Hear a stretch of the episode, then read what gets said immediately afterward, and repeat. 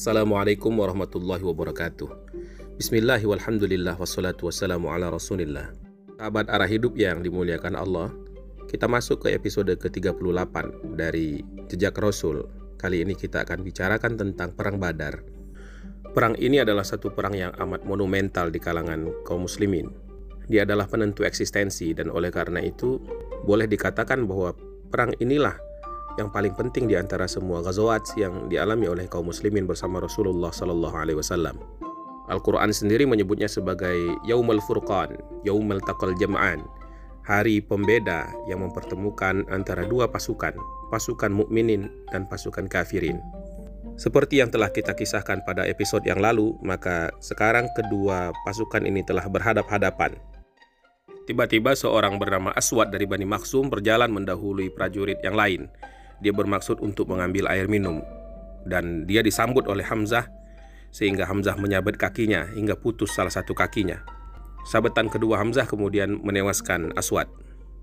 Lazim pada peperangan di zaman itu sebelum perang dilangsungkan secara massal, maka para pendekar, para jagoan, para prajurit pilihan dari masing-masing pihak akan terlebih dahulu terlibat perang tanding, baik satu melawan satu ataupun sekelompok melawan sekelompok. Nah pada saat itu majulah dari pihak kaum Quraisy yakni Utsbah bin Rabi'ah yang masih terbakar emosi karena olok-olokan Abu Jahal yang menganggapnya pengecut. Kemudian tampil pula kakaknya Syaibah bin Rabi'ah dan anaknya yakni Walid bin Utsbah. Ketiga orang ini kemudian menantang perang tanding. Majulah siapa di antara kalian yang akan menghadapi kami. Tantangan mereka itu disambut oleh tiga orang pemuda dari kaum Ansar. Ada Auf bin Amir dari Bani Najjar dia adalah salah satu dari enam orang ansor pertama yang berbaiat kepada Nabi. Kemudian maju pula Muawiz dan kemudian disambut tantangan yang ketiga oleh Abdullah bin Rawahah. Merasa wajah-wajah yang tampil ini adalah wajah yang tidak mereka kenali, maka orang Quraisy bertanya, "Siapa kalian?" Para pemuda itu menjawab dengan lantang, "Kami adalah anak-anak muda dari kaum Ansar." Para penantang Quraisy ini pun mengatakan, "Kalian orang-orang yang cukup bagus. Tapi yang kami inginkan sekarang adalah anak-anak paman kami sendiri. Mereka berteriak, "Hai Muhammad, ajukan orang-orang kami sendiri sebagai lawan kami." Maka Nabi pun bergerak hendak maju. Hanya saja Nabi ditahan oleh orang-orang Ansor yang ada di sekitar beliau. Maka Nabi kemudian memerintahkan, "Hadapilah mereka, hai Umaidah." yakni Ubaidah bin Al-Haris bin Abdul Muthalib Kemudian berturut-turut Nabi menunjuk Hamzah bin Abdul Muthalib, paman beliau dan sepupunya Ali bin Abi Thalib untuk maju. Saat ketiga orang ini maju, kaum Quraisy berkata, inilah lawan yang seimbang bagi kami.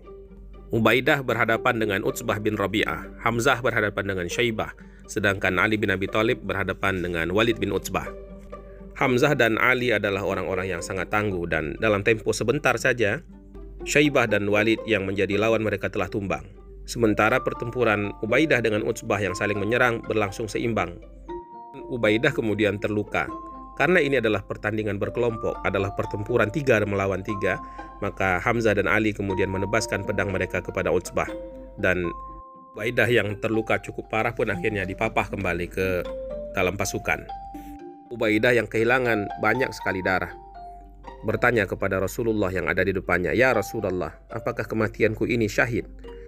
Tanya Ubaidah dengan sedih dan penuh harap. Tentu saja hai saudaraku kata Nabi, engkau syahid. Maka wafatlah Ubaidah bin Al-Harith sebagai syahid pertama di dalam perang Badar. Kemudian medan peperangan yang telah dipenuhi prajurit itu pun menjadi semakin panas. Kaum muslimin saling merapat, kaum Quraisy pun mulai mendekat dan Rasulullah berkata, "Majulah, majulah kalian semua menuju surga yang luasnya seluas langit dan bumi." Umair bin Al-Hamam Al-Ansari maju. Dia berkata, Wahai Rasulullah, apakah tak salah yang aku dengar? Benarkah telah disediakan surga yang luasnya seluas langit dan bumi ya Rasulullah? Kata Nabi, ya surga itu seluas langit dan bumi. Maka Umair berkata, Bah, bah ya Rasulullah. Maka Nabi bertanya, apa maksudmu dengan mengatakan bah, bah itu, hai Umair? Demi Allah ya Nabi, aku tidak mengatakan itu kecuali karena aku sangat berharap sekali menjadi penghuni surga. Maka Rasul bersabda, "Engkau wahai Umair adalah penghuni surga."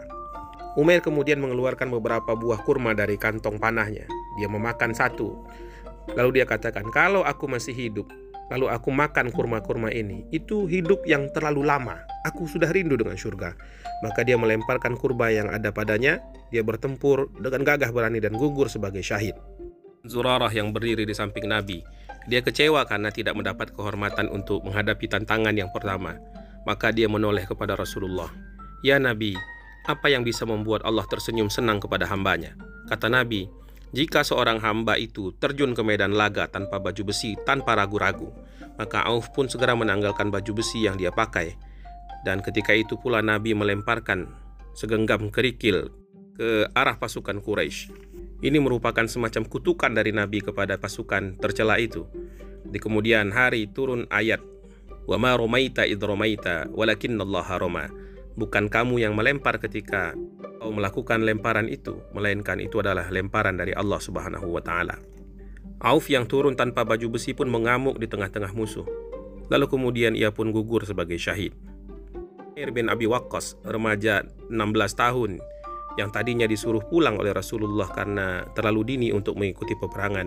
Dia pun bertempur dengan gagah berani dan wafat pula di medan peperangan. Terhitung dia sebagai salah satu syuhada Badar. Pada satu titik ketika perlawanan tentara Quraisy begitu mengganas, seorang mukmin kehilangan pedang yang terlepas dari tangannya. Dia lalu berlari ke arah Nabi untuk meminta senjata lagi. Dia adalah Ukasyah. Namun karena persediaan senjata tidak ada lagi, Nabi memberikan sepotong kayu kepadanya. Nabi bersabda, "Maju, bertempurlah dengan ini wahai Ukasyah." Maka Ukasyah pun menggunakan kayu itu untuk memukul musuh. Di tangannya kemudian kayu itu berubah menjadi sebilah pedang yang panjang, kuat dan berkilauan. Pedang itu dia gunakan melawan musuh sampai perang Badar usai. Dan nantinya pedang itulah yang akan digunakan Ukasyah dalam setiap jihadnya bersama Rasulullah Sallallahu Alaihi Wasallam. Pedang itu diberi nama Al-Aun yang maknanya pertolongan dari Allah Subhanahu wa taala arah hidup yang dimuliakan Allah pada saat kaum mukminin diperintahkan untuk bergerak maju sebenarnya mereka tidak maju sendirian seperti yang telah diketahui oleh Nabi dan telah dijanjikan kepada beliau Allah mengatakan anni mumiddukum bi alfin minal malaikati murdifin Aku akan menolongmu dengan seribu pasukan malaikat yang datang berturut-turut pasukan demi pasukan. Dan para malaikat pun juga mendapat perintah dari Allah Subhanahu wa taala إذ يوحي ربك إلى الملائكة أني معكم فثبتوا الذين آمنوا سألقي في قلوب الذين كفروا الرعب فاضربوا فوق الأعناق واضربوا منهم كل بنان Ketika Tuhanmu mewahyukan kepada para malaikat, sesungguhnya aku bersama engkau, maka teguhkanlah pendirian orang-orang yang telah beriman itu. Kelak aku akan berikan rasa takut ke dalam hati orang-orang kafir. Maka penggallah kepala mereka dan pancunglah tiap ujung-ujung jari mereka. Kehadiran para malaikat itu dirasakan oleh semua orang. Itu menambah kekuatan bagi kaum mukmin dan menjadi sebuah teror mental bagi kaum kafir. Namun kehadiran mereka hanya terlihat atau terdengar oleh segelintir orang dengan derajat yang bervariasi. Ada dua laki-laki tetangga bangsa Arab yang menyaksikan pertempuran dari atas bukit dan berniat untuk nantinya turun mengambil bagian dalam rampasan perang kalau perang sudah reda. Tiba-tiba segumpal awan putih menyapu mereka. Awan itu melengking dan ada suara ringkikan kuda. Dan tiba-tiba salah seorang dari dua laki-laki itu jatuh tewas. Temannya sendiri lari. Dia terjatuh saking gentar dan takutnya dia terguncang oleh suara ringkikan kuda yang gaib itu. Salah seorang mukmin yang sedang mengejar musuh, tiba-tiba kepala orang yang dikejarnya itu jatuh ke tanah sebelum dia berhasil menjangkaunya. Ditebas oleh satu tangan gaib. Banyak lagi yang lain melihat sekilas para malaikat mengendarai kuda dengan kaki yang tidak menyentuh tanah. Dipimpin oleh Jibril yang mereka lihat pada saat itu seperti seseorang yang menggunakan sorban kuning, sedangkan pasukannya menggunakan sorban putih yang ujungnya melambai-lambai ke belakang. Tentara Quraisy segera tercerai-berai dan tidak sanggup lagi melanjutkan pertempuran kecuali segelintir yang masih tertinggal karena tidak dilewati oleh pasukan malaikat itu. Salah satunya adalah Abu Jahal. Hal masih duduk di atas kudanya dengan pakaian besi, dikelilingi oleh 10 lapis pasukan. Seperti yang diriwayatkan oleh Abdurrahman bin Auf, ketika beliau berada dalam barisan pasukan perang Badar, tiba-tiba di sebelah kanan dan kirinya muncul dua orang anak muda. Dia adalah dua orang bersaudara, Mu'az bin Afra dan Mu'awis bin Afra. Mereka bertanya kepada Abdurrahman bin Auf, "Paman, tunjukkan kepadaku di mana Abu Jahal." Apa yang akan kau lakukan kepadanya, wahai anakku? kata Abdurrahman bin Auf. Si pemuda menjawab, Aku sudah berjanji kepada Allah, wahai paman, kalau aku melihat orang itu maka aku yang akan membunuhnya, atau aku yang akan mati. Kemudian saudaranya yang satu lagi juga berbisik lirih, "Paman, tunjukkan aku di mana Abu Jahal." Maka kemudian kepada mereka berdua Abdurrahman bin Auf menunjukkan itulah dia. Muaz dan Muawis kemudian berlari kencang ke arah Abu Jahal seperti elang yang akan menangkap mangsa. Mereka menerobos 10 lapis pasukan yang ada di sekitar Abu Jahal. Muaz kemudian mendesak Abu Jahal dan berhasil melukainya, tapi kemudian Abu Jahal ditolong oleh anaknya yang bernama Ikrimah pada saat itu masih kafir tentunya. Dan Muaz terluka sampai salah satu tangannya itu menggelantung tapi tidak benar-benar putus. Namun Muaz memang bersemangat tinggi. Tangannya yang menjuntai itu dia sentakkan dengan kakinya sehingga benar-benar putus dan dia melanjutkan pertempuran dengan satu tangan. Kemudian Muawis pula menyerang Abu Jahal. Dia berhasil melukai Abu Jahal dengan sangat parah pada pahanya. Kedua-dua orang bersaudara ini membuat Abu Jahal sekarat, meskipun mereka harus membayar dengan nyawa.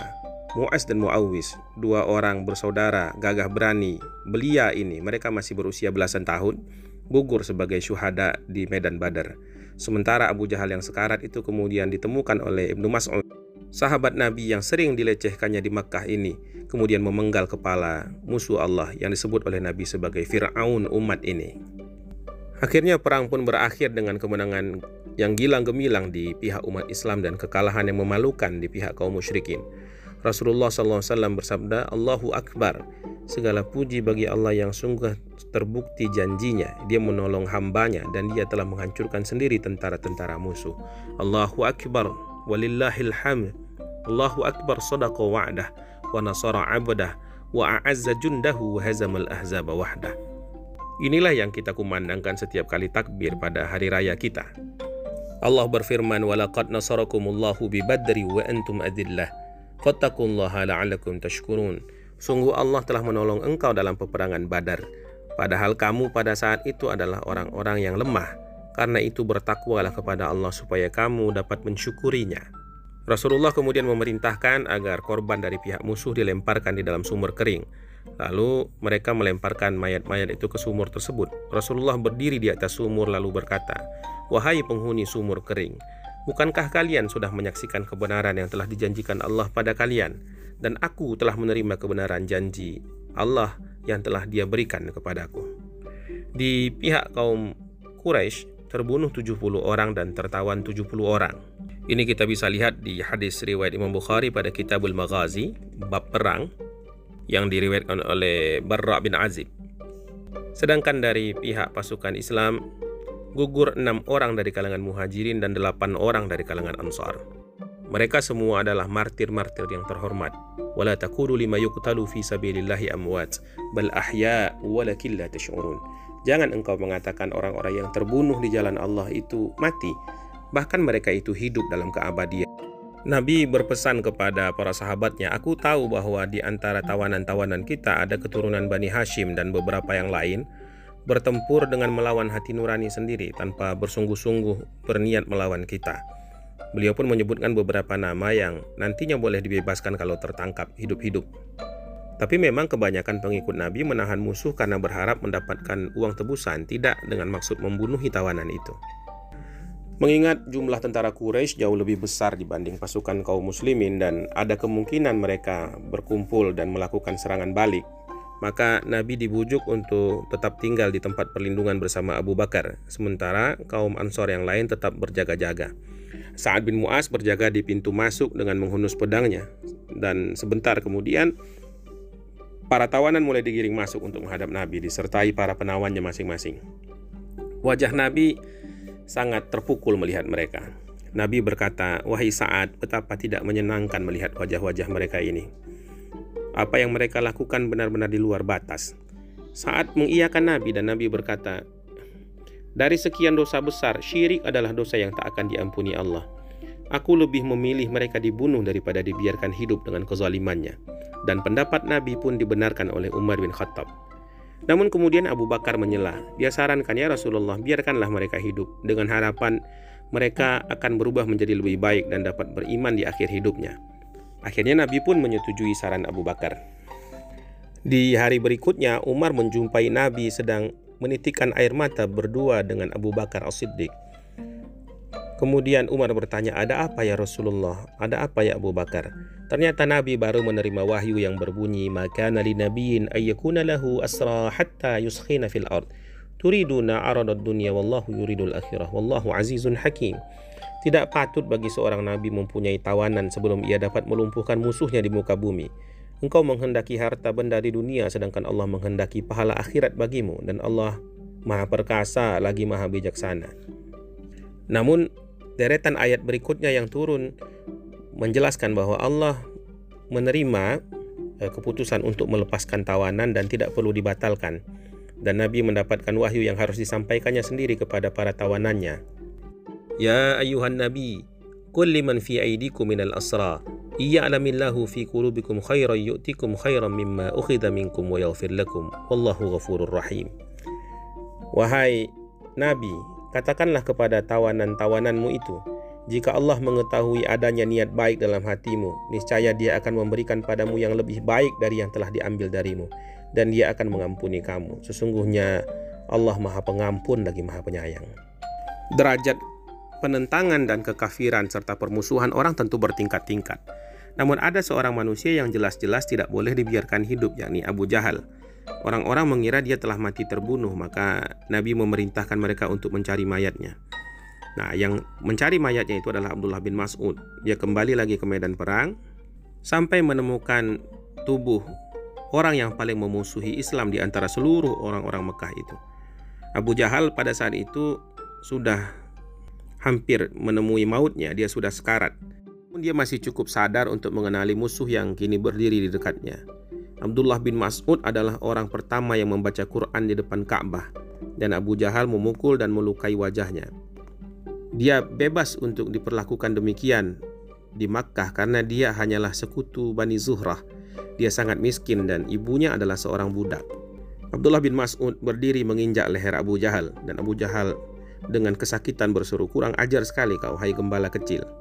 Kemudian dia bertanya siapa yang menang? kata Abdullah bin Mas'ud, Allah dan Rasulnya. Kemudian seperti yang kita ceritakan tadi, Abu Jahal yang sudah sekarat karena tebasan pedang yang dilakukan oleh dua bersaudara yang gagah berani, Mu'az dan Mu'awiz, dipenggal lehernya oleh Ibnu Mas'ud untuk kemudian dibawa kepala itu ke hadapan Nabi Wasallam. Jahal bukan satu-satunya pemimpin Quraisy yang tewas setelah peperangan usai, tapi pada saat itu Abdurrahman bin Auf yang sedang membawa baju-baju besi yang diambil sebagai rampasan perang e, berpapasan dengan Umayyah bin Khalaf yang sudah kehilangan tunggangannya sehingga tidak bisa melarikan diri. Umayyah bersama Ali anaknya mohon kepada teman karibnya dulu di era pra Islam ya, ini Abdurrahman bin Auf. Ia berkata, "Tangkaplah saya sebagai tawananmu karena aku lebih punya banyak harta dibandingkan apa yang telah engkau jadikan rampasan perang yang ada di tanganmu saat ini. Lalu Ibnu Auf pun menggiring kedua tawanan itu ke perkemahan. Tapi pada saat masuk ke perkemahan kaum muslimin, Bilal yang melihat mereka mengenali mantan majikannya yang sangat kejam itu. Bilal berteriak, Umayyah, kau gembongnya kaum kafir.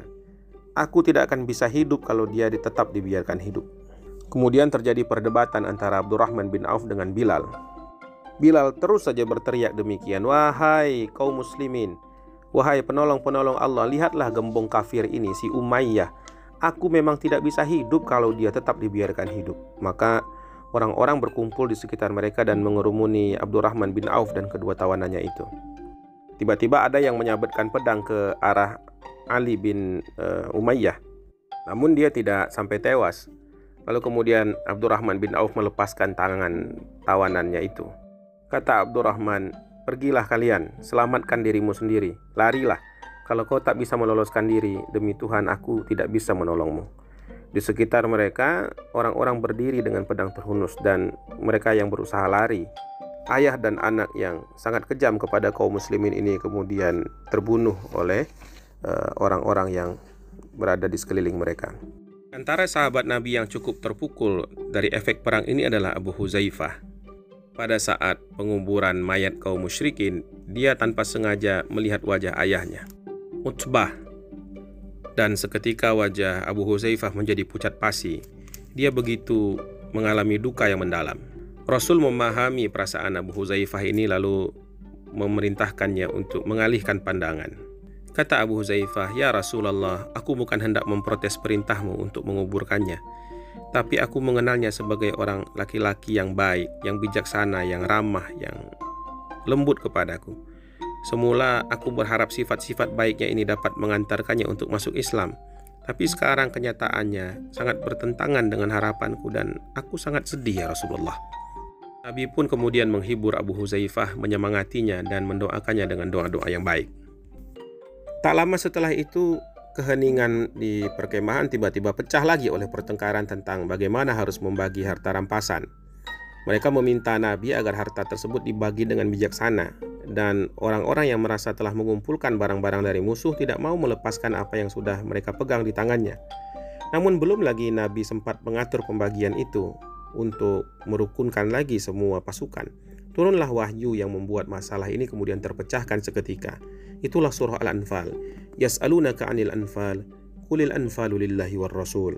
Mereka bertanya padamu tentang pembagian harta rampasan perang. Katakanlah, rampasan perang atau anfal itu adalah untuk Allah dan Rasulnya. Lalu, harta rampasan pun dikumpulkan dan ditetapkan menjadi milik bersama. Perintah yang langsung turun dari langit ini pun ditaati tanpa disanggah-sanggah lagi. Para tawanan telah pula diikat. Salah seorang tawanan adalah Abu Aziz bin Umair bin Hashim, saudara kandung Mus'ab bin Umair. Ketika itu dia bertugas sebagai pemegang bendera pasukan Islam dan Abu Aziz adalah pemegang bendera pasukan kaum musyrikin Quraisy. Ketika Mus'ab lewat di dekatnya dia berkata kepada salah seorang kaum Ansor yang sedang mengikat tangan Abu Aziz, "Ikat yang kuat jangan sampai dia lolos." sebab ibunya memiliki banyak perhiasan dan dia bisa menebus dengan harga yang tinggi. Abu Aziz berkata, "Wahai saudaraku, kenapa kau pesankan seperti itu kepadanya?" Mus'ab berkata, "Kau telah kafir dan dia adalah pengganti posisimu. Dialah yang sebenar-benarnya saudaraku." Demikianlah persaudaraan akidah telah mengalahkan persaudaraan kandung, persaudaraan darah. Ikatan dengan Allah Subhanahu wa taala jauh lebih tinggi daripada ikatan-ikatan lain termasuk ikatan biologi semata-mata. Bagaimana umat Islam memperlakukan tawanan? Nah, Rasulullah berpesan mengenai tawanan, perlakukanlah mereka dengan sebaik-baiknya. Abu Aziz bin Umar bercerita, Aku berada pada sekelompok kaum Ansor ketika mereka membawaku dari Perang Badar sebagai tawanan. Kalau mereka menghidangkan makan siang dan makan malam, mereka membuatkannya secara khusus untuk berupa roti. Sedangkan mereka hanya makan kurma. Itu karena Nabi berpesan kepada mereka mengenai tawanan untuk diperlakukan sebaik-baiknya. Kalau ada orang yang memegang roti, dia akan berikan kepadaku dan aku malu sehingga roti itu segera aku kembalikan. Tapi ternyata mereka mengembalikan lagi roti itu kepada saya, kata Abu Aziz bin Umair. Di antara para tawanan terdapatlah uh, paman Rasulullah Abbas bin Abdul Muttalib.